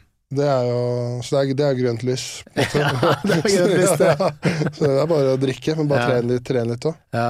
Hva, men du kaller å gå fra trikken opp hit til Njø som trening, ikke sant? Det er fire ganger fire for meg. Ja, det er det. Nei, nå er jeg jo Nå er jeg blitt medlem av Fresh Fitness Manglerud. jeg, nå. Ja. Jeg har jo Etter at når jeg trente med deg når vi var på tur i Tromsø, skjønte jeg at uh, det var jo en uh, Det var ikke spesielt hard trening, altså, det Vi gjorde ikke spesielt mye Altså Det var jo en fin treningsøkt, det var ikke det, men det var ikke noe sånn Vi gå i kjelleren. Det Nei, men det her var jo bare en enkel altså styrkeøkt, da. Ja, Som er veldig hjemmebane for deg som tidligere hockeyspiller. ja. Um, Men da skjønte jeg Da var jeg jo kroppen min Det kjentes ut som jeg var kjørte meg en lastebil etterpå. Ja. Og jeg var sånn, ok, nå må vi begynne å Ja. Å ja, for du, du ble jo ganske støl etterpå, ja. Ja, støl, ja. ja. Ja, ja, det var jo problemer med å gå opp trapp. Ja. Stemmer det, for vi, eh, den var jo ganske streit, den treningsøkta. eh, Ja, det var det jeg mener. Det var ikke noe, det var ikke noe sånn helvetes. Nei, nei, Nei. og du bare ok, da skal vi opp den trappa der. Jeg tror kanskje er det en heis her. Ja, det var litt sånn, faktisk. Um, ja, nei, da er det jo Da eh, bør det jo ringe en bjelle, da. Ja. Mm. Jeg er jo veldig opptatt av eh, altså sånn, Folkehelse er jo eh, bra å liksom, informere om eh, hvor viktig det er å spise sunt og være i aktivitet og alt mulig sånt noe, men komikermiljøet er jo især ræva på å måtte balansere både kosthold, alkohol og drikkevaner, andre rusmidler og fysisk aktivitet, liksom. Det er jo ganske mange folk som du vet sånn Ja, med et normalt liv så hadde du ikke vært overvektig. Ja, ja, ja, ja. Eh, altså, de drikker seg feite. Mm. Og det er jo veldig usunt, da. Mm. ja. Men hvordan ser, liksom, hvordan, er, hvordan ser din trenings- og kostholdshverdag ut, da? Jeg trener jo eh, hver dag. Ja. Eh, og det er både fordi jeg, altså sånn, jeg liker det, og det gir meg en mye bedre mental helse enn hvis jeg ikke hadde gjort det, liksom. Mm. Eh, Så jeg syns liksom selve aktiviteten er morsom, og det er jo veldig mye lavere terskel å gjøre det når man ikke føler som man blir påkjørt av en trailer, da, Ja, ja, ja. etter en økt, liksom. Um, så det er jo sånn velvære-greier, og litt eh, jåleri, selvfølgelig, altså forfengelighet. Men um, kostholdsmessig er jo Men ikke så- løper du, trener styrke eller alt? Eller blir- Alt. alt ja. Ja, løping, rulleski, styrketrening, klatring. Uh, det jeg ikke gjør, er sykkel. Nei. For det er sånn daff-trening Ja. Bare Det eneste du blir god til, er å sykle. Ja, ok. Det, er ingenting, det er ingen som bieffekter eh, av det. Ikke kondis, ikke styrke. Ingenting. Du blir god til å sykle. Ja, de her Tour de France-gutta har vel god kondis? Ja, ikke sånn veldig til å løpe. Altså Tour de France, ja. De er jo helt sykt godt trent, da. Ja, ja, ja. Så eh, em, Men, eh, men det, er stort sett sykkelkondis, liksom. Men Ja, de er sikkert ok til å løpe, ja. Ja. Men det, ja. Så um, eh, Men kosthold og sånn er jeg ikke så voldsomt nøye på. Men jeg er nøye på at jeg ikke drikker veldig mange dager på rad Ja. i uka og sånn. Men det også eh, handler igjen om sånn overskudd både til å gjøre ting og til å, å få et mentalt overskudd. Da. Men er det sånn du kan sitte på kan, ofte, kan du ofte ta to øl og så dra hjem? Uh, ja, jeg har gjort det noen ganger, men det gir meg jo veldig lite, da. Ja. Så da er det bedre å ikke drikke noen ting, Ja, og så ha en dag i uka hvor du eh, får det til å telle. Klinke litt til? Ja, Ja. bedre det. Ja. Ja, for det er det at eh, jeg, jeg, er ikke sånn, jeg er ikke sånn som eh, Jeg sitter aldri hjemme og drikker vin, for eksempel. Jeg drikker aldri hjemme. Nei. Det er ikke sånn at jeg tar meg en viss Det er derfor du er ute hele tiden. Jo, det er sånn når, når jeg drikker, så Men da blir det jo for mye da òg, på en måte. Ja. Ja. Og da Ja, det er jo Det er evig greia der at man liksom i hvert fall sånn som jeg da, som har to små barn. Ja. Hvis jeg er da på en standup-tur på uh, en helg, da, og så skal du liksom dra og sove på hotell, og da får du fulle, fulle netter med søvn, Mm. og så er det sånn Ja, da kommer det med overskudd. Så nei da, da kommer det hjem mer nedbrutt enn der Ja, man ja, dro. ja. Ja, du blir, du blir mye verre. Så det, altså, sånn som for eksempel når vi var i Bodø, da. Mm. Eh, sist gang så var det jo nachspiel til klokka seks, eller når Ja. det var, liksom. Så jeg var på hotellrommet klokka seks. eller- Fikk jo servert drinker hele tiden. For en legende han fyr. Han hadde, han hadde jo drinkglass og- og 50 liter sprit. Han sto bare på kjøkkenet og blanda de ene drinkene Det var etter andre. helt eh, topp, det. Ja. Vi kunne bare sitte som om det var forlengelse av uh, utelivet, Ja. og prata bare med hverandre. og fikk servert drinker hele tida. Og var Nei, null. uh, men uh, nei, altså sånn hvis jeg skal gi et helt konkret tips da, som jeg mener er mulig å etterleve, og tror har en, en viss helseeffekt, si nei til shots. Ja. Altså, shots er jo amatørenes aften. Å tenke liksom 'dette er en god idé', er jo faen meg helt Det er ingen som noensinne har drukket shots, og det har redda kvelden. Nei, på ingen måte. Det var, jeg gikk på den Jeg gikk jo på den smellen nå i helga, fordi vi hadde et uh, Før bodde så hadde vi et show på Halsa. Ja. Og da kommer det en eller annen sjuk jævel eh, inn da, med noe sprit, og han sier det er Fernet. Ja. Og det var jo ikke Fernet, det var jo hjemmebrent fra hans lommelerke. Ja. Og det er noe Da var det sånn jeg begynte å brekke, holdt på å spy mens jeg satt ved bordet. Ja. Uh, Nei, det høres helt forferdelig ut. Ja. Men eh, Fernet òg, det er ikke noe lurt. Nei, men det er gøy, da. Er det så gøy? Nei, men det er jo Det er mer way, way. Det er jo ikke så ja, jævla gøy. Det Kanskje er, litt det er sånn guttegjengen eh, på Ja. 18 eh, på Solli plass der, men ja. nei, jeg vet ikke. Kanskje jeg er Jeg syns det er digg å ta en fireball. ja. Jeg tror altså sånn eneste sånn shots uh, Den eneste gangen den har en funksjon, er hvis du er litt trøtt og du ikke orker å begynne å drikke. Ja. Begynn med en shot, Ja. så kommer du deg i gang. Mm. Jeg husker alltid hemmeligheten for å komme i gang på Slottsfjordfestivalen. Da var det sider. Ja. At man liksom også starter starte dagen med sider. ja for å starte Eller- med noen varmøl er litt vanskelig. Ja, eller vodka, appelsinjuice eller et eller annet, bare for å komme i gang, Ja. eh, komme, komme i gang der. Så det er en jobb som må gjøres. ja, det er, det er det. Ja. Det er en jobb som må gjøres der. Uh, men en ting, jeg funker, en ting jeg føler jeg ikke Hvis jeg bare drikker GT, Ja. fin dagen etterpå. Ja. Er det fordi det er så mye væske bortsett fra alkohol? Nei, det, det kan jeg ikke svare på. Der er jo som vaksinedebatten igjen. Bare, Jeg vet ikke. Kan ikke Spør noen som har peiling på det. Ja. Men da har jeg dratt deg ut på tynn is, så da kan vi avslutte på det. Og så, men har, hvis du ja, Har du noe Nei, du har ikke noe show eller noe du har du noe du vil melde, holdt jeg på å si? Nå er vi melde. Eh, Kom på Salt 28. februar. det er det jeg har. Ja, ikke gjør det. Uh, ok, men uh, takk for at du gadd å komme. Alltid, alltid hyggelig. Alltid hyggelig. Og Gud være med deg og alt det greiene der. Da takker vi for oss, Kasper. Kiwi er billigst i VGs matbørs og har vært billigst i fire av de fem siste VGs matbørser. Og nå presser vi prisen på påskevarer fram til 1. april. På 1,25 liter assortert Henning Olsen sørlandsis presser vi prisen fra 74,90 helt ned til 49,90. På assorterte 250 ml Cevita og Bendit smoothies presser vi prisen fra 1990 helt ned til 12,90 pluss pant. For det er vi som er prispresserne. Og vi i Kiwi gir oss aldri på pris.